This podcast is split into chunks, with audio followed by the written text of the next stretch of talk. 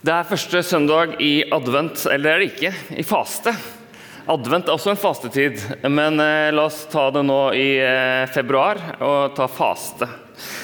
Eh, vi skal sammen med Jesus og disiplene bevege oss mot Jerusalem. Mot påske, hvor vi kan ta med alle greiene våre og legge de ved korsets fot og vente på og håpe på Jesu oppstandelse og erfare at livet er sterkere enn døden, at lyset er sterkere enn mørket. Og Denne reisen starter i en ørken. Og Vi har hørt nå eh, Linn lese om eh, Jesus som blir frista av djevelen. Og mange, eh, mange reiser, sånn som denne fastereisen, er jo ofte litt sånn kaotiske i starten. Jeg vet ikke om dere har det sånn hjemme hos dere når dere skal på tur, at det alltid er topp stemning hele veien. For oss er det ikke det. Og Denne reisen mot fasten, eller mot påske starter også litt komplisert i dagens tekst. Vi har så sagt hørt Jesus, eh, historien om Jesus som er frista av djevelen i 40 dager i ørkenen. Og Etter hvert skal jeg også lese to tekster til. fordi På søndager er det ofte tre tekster eh, som er valgt ut som handler om den samme tematikken. Vi skal se på Gamletestamentet-teksten, og vi skal se på en tekst fra Jakobs brev i Nytestamentet. Eh, ørken. La oss etablere settingen her. og Jeg vet ikke hva slags assosiasjon du har til ørken, eller hva slags erfaring du har med ørken, det være seg en virkelig ørken eller ørken som i overført betydning. Men ørken er ikke ukjent, en ukjent topografi i Bibelen. Gjentatte ganger ser vi at viktige ting skjer i ørkenen. Det er steder for lidelse og sult og oppgjør og venting og venting og venting, men også stedet for sterke møter med Gud. Og Det kan nesten virke som om at det siste, sterke møtet med Gud, er forutsatt av det første. Ørken er også i kristen tradisjon en mye brukt metafor for eh, det åndelige livet. Eller perioder av det åndelige livet hvor alt kan kjennes som en ørken. Og Kanskje er det det du ville brukt som en beskrivelse på ditt åndelige liv nå om dagen. Ja, det er, det er ørken. Det er dødt. Eller det er tørt. Det har vært sånn lenge. Eh, og du kanskje vil si ja, det, er, det er mest rutine. Og da vil jeg si ja, fortsett med den rutinen. Noen vil si at helt avgjørende for et, åndelig, et modent åndelig liv. For et kristent menneske er perioder av livet å erfare ørken. At troen og livet kjennes som mørkeste natta eller som den tørreste ørken. Og Disse ørkenperiodene kan være mange ulike ting og skyldes ulike ting. Og kan også, føre, eller kan også komme pga. ting som vi sjelden påfører oss selv. Det kan komme som en resultat av en krise. Det kan være en skilsmisse, at man mister jobben. Det kan være dødsfall i nær eh, familie, det kan være en diagnose, det kan være et barn som har det vanskelig. Det kan være et svik, ufrivillig barnløshet, uønska singelliv, tomhet eller tørrhet i gudsrelasjonen. Så stiller vi kanskje spørsmål med oss selv, med Gud, med kirka. Og så tenker vi at men troen funker jo ikke. Jeg var jo lova alle disse tingene her hvis jeg er kristen, men nå virker det som at det ikke funker. Det har ingen effekt. Man har kanskje flere, svar eller man har flere spørsmål enn svar. Og fundamentet føles usikkert. Vi vet ikke hvor Gud er, hva Gud gjør. Hvordan har han fått oss, eller hva har fått oss hit? Og hva kan få oss ut igjen? Eh, og Kanskje er det derfor også at det er i ørken vi bygger oss gullkalver, eller hvor vi begynner å tilbe avguder. Kanskje er det i ørken vi erfarer ofte at konflikter oppstår. Vi tar dårlige valg eh, og avgjørelser som ikke leder til liv, men til, til død. Når alt virker dødt, stillestående eh, Det kan være seg i troen vår, i relasjonene våre, i vår gjerning eller i vårt yrke. Alt det har jo med troen å gjøre på et vis. Når vi er der i ørkenen, så, vi, så hører vi kanskje Pst! Kom her. Jeg har en snarvei. Du trenger ikke å streve med de forpliktelsene der. Løs litt opp. Kom her. Eller hvorfor har du så høye idealer? De gir deg bare strev. Se rundt deg. Det er dødt. Kom hit. Kom hit. Følg meg. Du lever bare én gang. Yolo. Liksom. Livet blir ca. 1 milliard ganger morsommere hvis du bare gir litt blaffen. Eh, men når man er i ørken, eller når man er femte år inn i småbarnsfasen, og man kjenner at det tærer på Eller tiende året for småbarnsfasen for noen av dere. ser jeg her, jeg sitter og, ja, så, så trenger man ikke løfte om 1 milliard ganger morsommere. Man trenger bare løfte om liksom 1,01 ganger morsommere. Altså, det trengs liksom ikke Her er et helt fantastisk annet liv.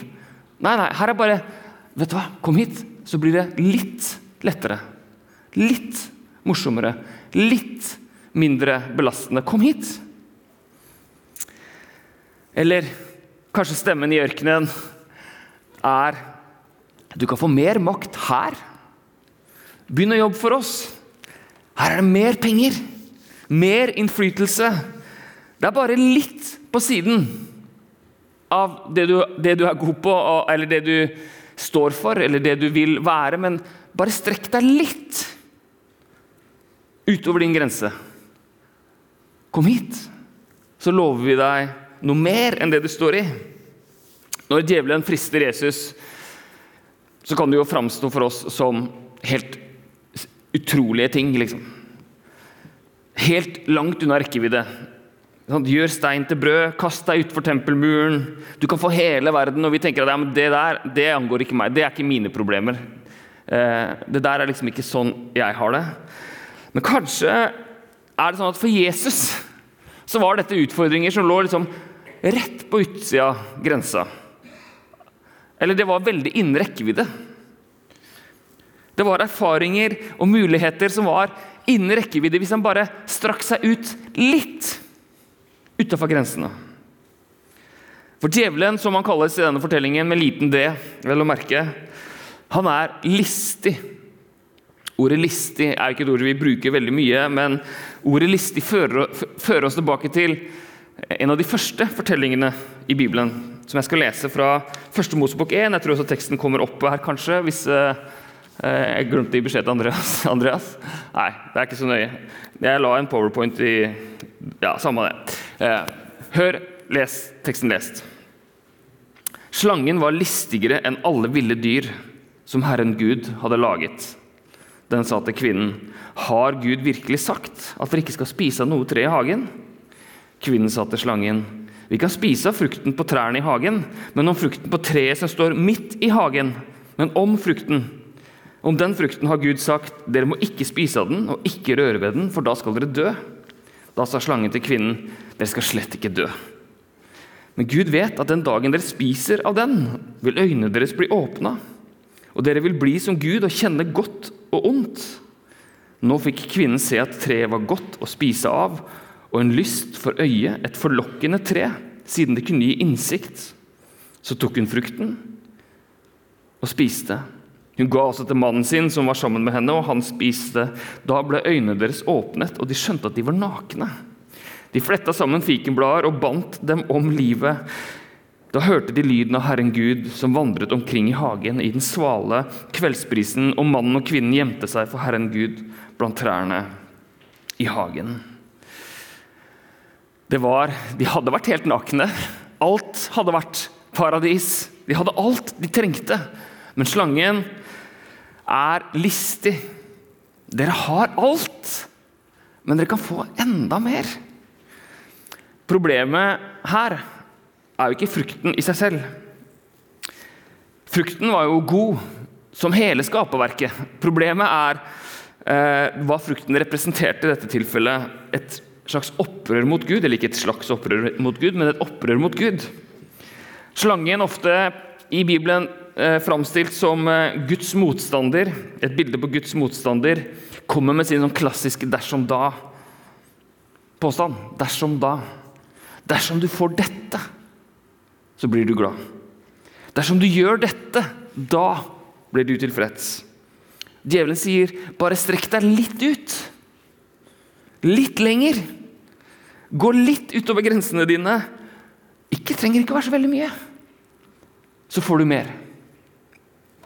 Nå fikk kvinnen se at treet var godt å spise av, og en lyst for øyet. En lyst for øyet. Er det ikke sånn det ofte er? Vi ser det, vi tenker på det, vi tar på det, og så vekker det sånne gode følelser. Det er mange paralleller. Jeg kjenner at dette har jeg lyst på. Det er mange paralleller mellom det siste Apple-produktet og eplet i hagen. Kan være. Vi ser det. Det var et forlokkende tre. Siden det kunne gi innsikt, står det altså. Men eh, det var jo en løgn, ikke sant?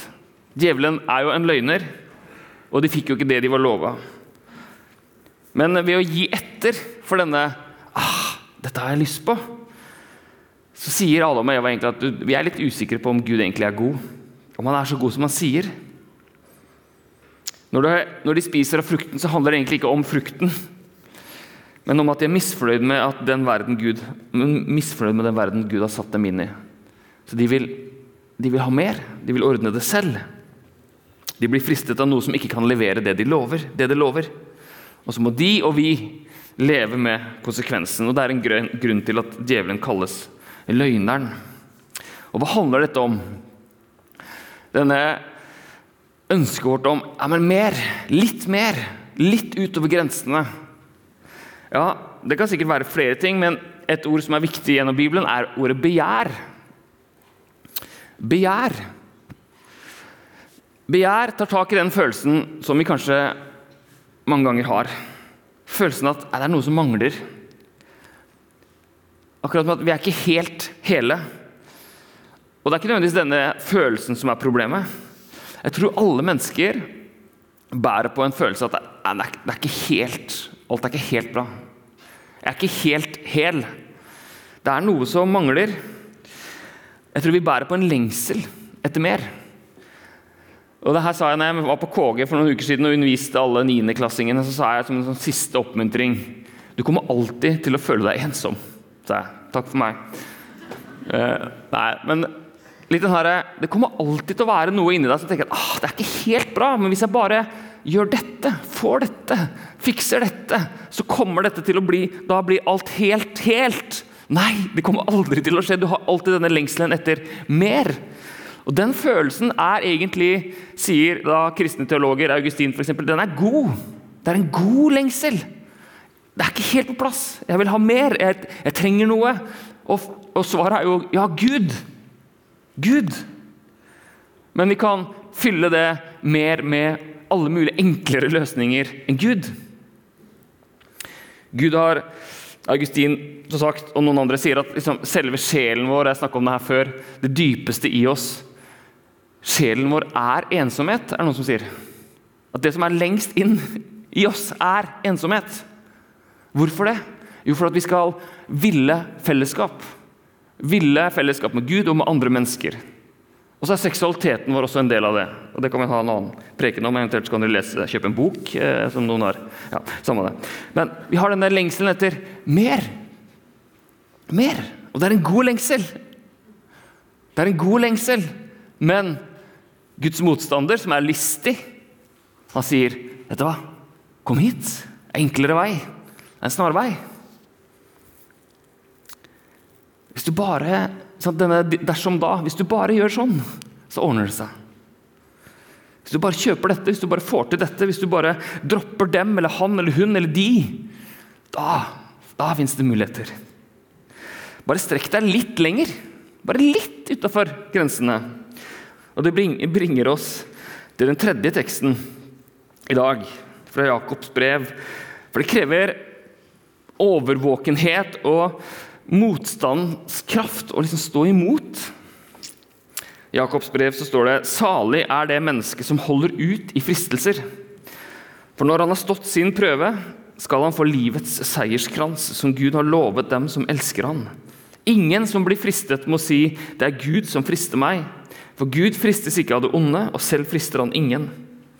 Alle blir fristet av sitt begjær, som lokker og drar. Når lysten er blitt svanger, føder den synd, og når synden er moden, føder den død. La dere ikke føre vill, mine kjære søsken. Alle blir fristet av sitt eget begjær, som lokker og drar. Når lysten er blitt svanger, føder den synd, og når synden er moden, føder den død.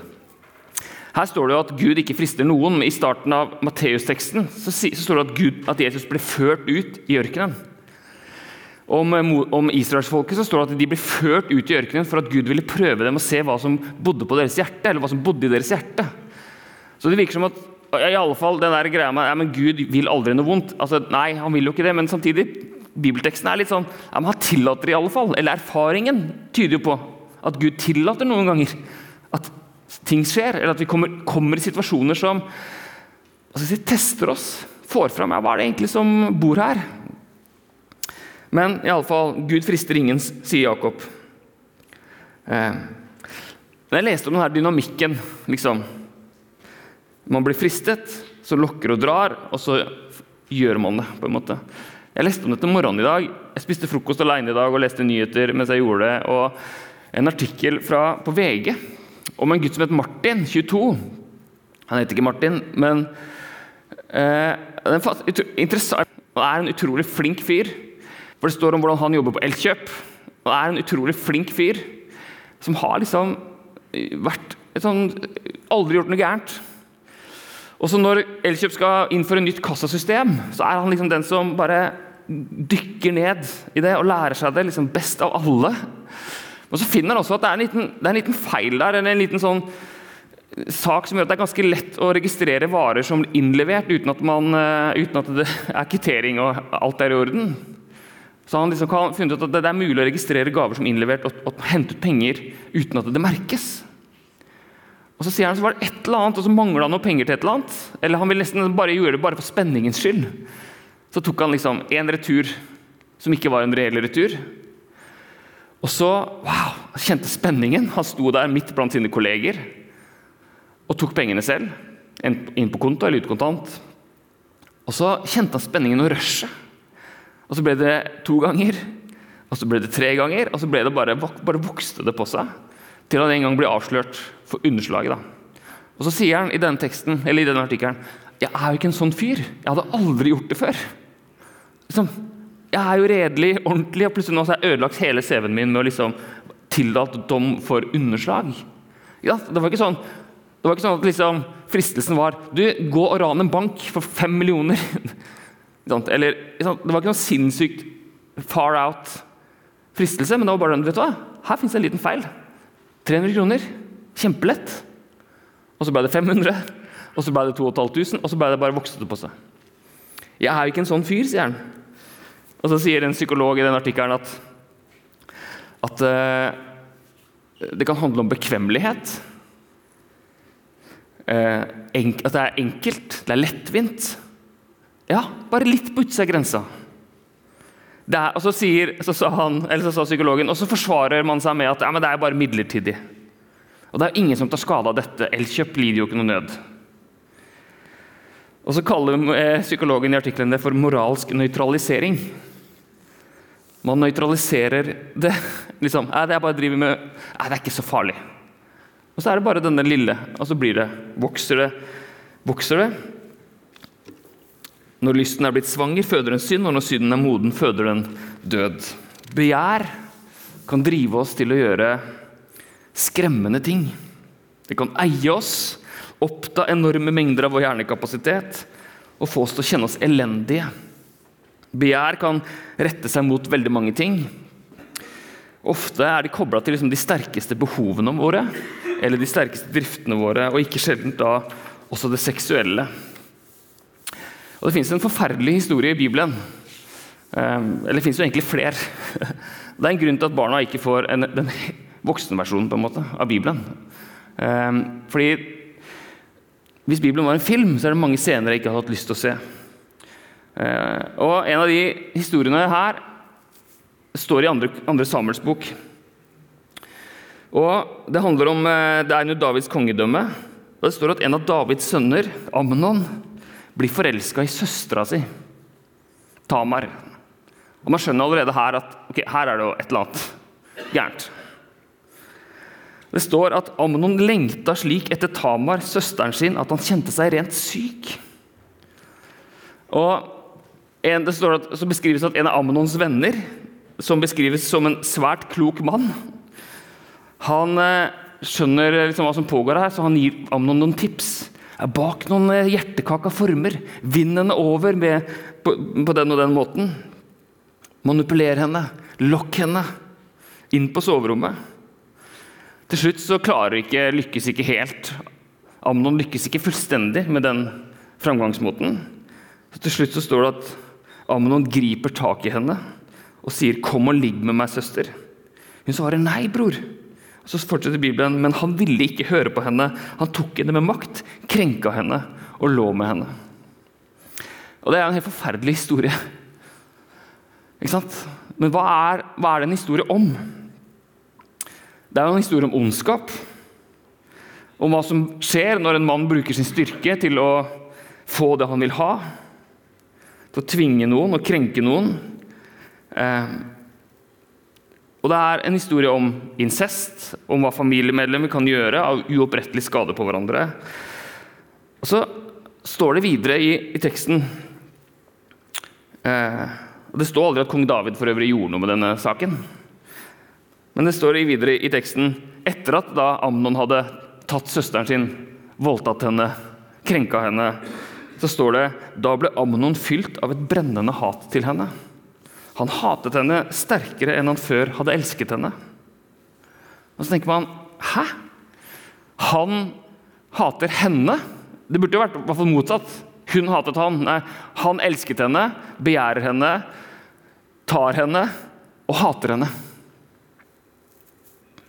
Altså, hva er det med denne handlingen som skaper denne avskyen i han? Ja, kanskje er det en, en, beskrivelse av hva begjæret kan føre til. Han får det han vil ha. Men følelsen etterpå er kanskje ikke at han hater henne, først og fremst men at han hater seg selv. For det han har gjort, og tar det ut på sin søster. Nå er det her en voldsom historie. Um, og tenker at det langt unna liksom, det jeg eh, strever med, eller det jeg syns er vanskelig. Og jeg vet ikke hva slags eh, liv du lever, hva slags eh, hverdag du har. Men hva er det som er i din nærhet, men som er likevel ja, men som likevel er på utsida av grensa? Altså Faste er en tid for å liksom stoppe opp litt og reflektere over okay, hva er det som lokker og drar i meg, og hvorfor. Hva er det som er innen rekkevidde, men som er utenfor grensa? Hva er det som er realistisk mulig, men som allikevel er å strekke seg for langt? Som gjør at du forstrekker deg og går utover de grensene som er godt for deg eller for dine nærmeste eller for Gud. I dag så er det kanskje fristelsen Hvis du bare blir litt mer effektiv hvis du blir bedre på kalenderplanlegging, hvis du blir bedre på strategi, hvis du bare får inn flere ting i kalenderen, så vil du lykkes bedre. Og du vil bli gladere. Hvis du bare studerer mer, får mer kunnskap, nok en utdanning, så vil det gå bra. Du bare strekker deg litt. Hvis du bare har litt mer kontroll på barn og ektefelle, liksom, ja, og så strekker du deg, kanskje for langt. I siste perioden så har jeg lest en bok som jeg vil anbefale. Det skjer jo en gang iblant at jeg leser en bok som jeg forteller om, men 'Kakofonen' av Andreas Nydahl. Han er en uh, psykiater, ung psykiater, 30-åra. Tror han har vært involvert i Norges kristne legeforening. Men det er ikke en, sånn sett en kristen bok, den er gitt ut på et allment uh, forlag. Og, men eh, han skriver om disse utfordringene i vår tids stress. Han sier han møter masse pasienter som har psykiske lidelser, og det er jo alle disse grafene øker. Og så han, og gir vi de behandling liksom for symptomene, men vi spør ikke hva er omgivelsene. Hva er det som gjør? Hva, er, hva skjer? Og Han skriver fantastisk om det. og han, Kakofonen er et ord han har laga som handler om eh, en eh, kakofoni, altså en mislyder, som er et ord han bruker for mobilen. Undertittelen er 'pålogget, men frakoblet'. For Han sier at i vår tid eller oversatte denne preken av meg. I vår tid trenger jo ikke djevelen å være så veldig komplisert. Han, bare, han ligger jo i lomma på et vis. Sier, vet du hva, ta meg opp. Og sier ikke at djevelen er mobilen, altså det skjønner jeg hva jeg mener, men liksom Se, jeg er her. Alt er tilgjengelig her. Du kan fra din egen stue nå hele verden. Kjøpe hele verden. Det er veldig lett tilgjengelig, og mobilene tar, utsletter alle pauser. Alltid tilgjengelig, alltid innen rekkevidde. Og så skriver han et sitat her som jeg ikke har på skjermen, bare hør, hør etter. Om, dette, om, disse øyeblikkene som blir stjålet av denne skjermen som vi hva han sier, er det 2000 berøringer i daglig i gjennomsnitt. eller noe sånt, som vi gjør. Bruker 5,4 timer i snitt. Eh, så sier han om disse øyeblikkene. Og kanskje er det i ørkenen. I hvert øyeblikk hvor vi fristes til å stoppe opp, puste godt inn, nyte noe, høre noe. Ja, nyte noe, hører vi den. Videre. Noe annet. Mer. Neste. Den tilbyr oss alltid en utvei. Får vi pause, eller kjeder vi oss i andres nærvær, kan vi alltid gjøre noe med det. Et øyeblikk kan alltid optimaliseres, effektiviseres eller maksimeres gjennom litt fikling og scrolling. Eller om vi skal være helt ærlige, et øyeblikk kan alltid reduseres, destrueres og evakueres. Og Det er kanskje en overdrivelse å si at djevelen er i lomma, men kanskje er det i fastetiden denne her du skal gjøre noe med. Å lage noen begrensninger. Jeg går mot avslutning her nå, men Vi tenker jo ofte at frihet er å ha alle muligheter. Mens frihet handler kanskje om begrensning. Å sette opp noen grenser og si vet du hva, her er mine grenser. Dette er godt for meg. Eh, Pave Frans sier at vår frihet minker når den overlates til umiddelbare behov og lyster. Når eh, våre umiddelbare behov og lyster eh, Ja, da er det det som styrer, styrer oss. Vi, skal, vi er i starten av faste. Og vi inviteres til å senke tempo, kjenne etter. Noen uker framover hvor vi kan puste dypt. Og gjøre opp en slags status. Ja, hva er det som egentlig skjer om dagen i livet mitt? Hva er det som lokker og drar? Og det dypere spørsmålet er alltid hvorfor lokker det og drar det? Man kan også stille spørsmålet med en annen vinkling. Hva er det du trenger? Kanskje ikke du har kjent dette på det på lenge. Hva er det du trenger? Hva er det du har behov for? Hva er det som hadde vært godt for deg nå? Og så tenker vi ofte at Det er jo et spørsmål som sånn, høres ut som, som fristeren. Ja, hva er det som hadde vært godt for deg nå? Men det er Gud som stiller det spørsmålet også. Hva er det som er godt for deg nå? Hva trenger du? Hva hadde vært godt for deg nå? Jeg snakka om ørken, jeg snakka om begjær, jeg snakka om behov for begrensning. Er det noe i ditt liv som pusher utover dine grenser? Som er synd, eller som kan bli til synd? Og syndens konsekvens er alltid, som vi leste fra Jakobs brev, i en eller annen mening død i form av ødelagte relasjoner til andre, til oss selv, til Gud, til skaperverket? Er det noen grep du kan ta i fastetiden hvor du kan øve deg og sette noen grenser? Øve deg i begrensning. Øve deg til å si nei, for også å kunne si noen veldig tydelige ja. Jeg snakka om mobilen. Kanskje ikke det treffer deg i det hele tatt, men kanskje er det noe annet som du trenger å begrense. Begrensning er veien til frihet. Forpliktelse er veien til frihet.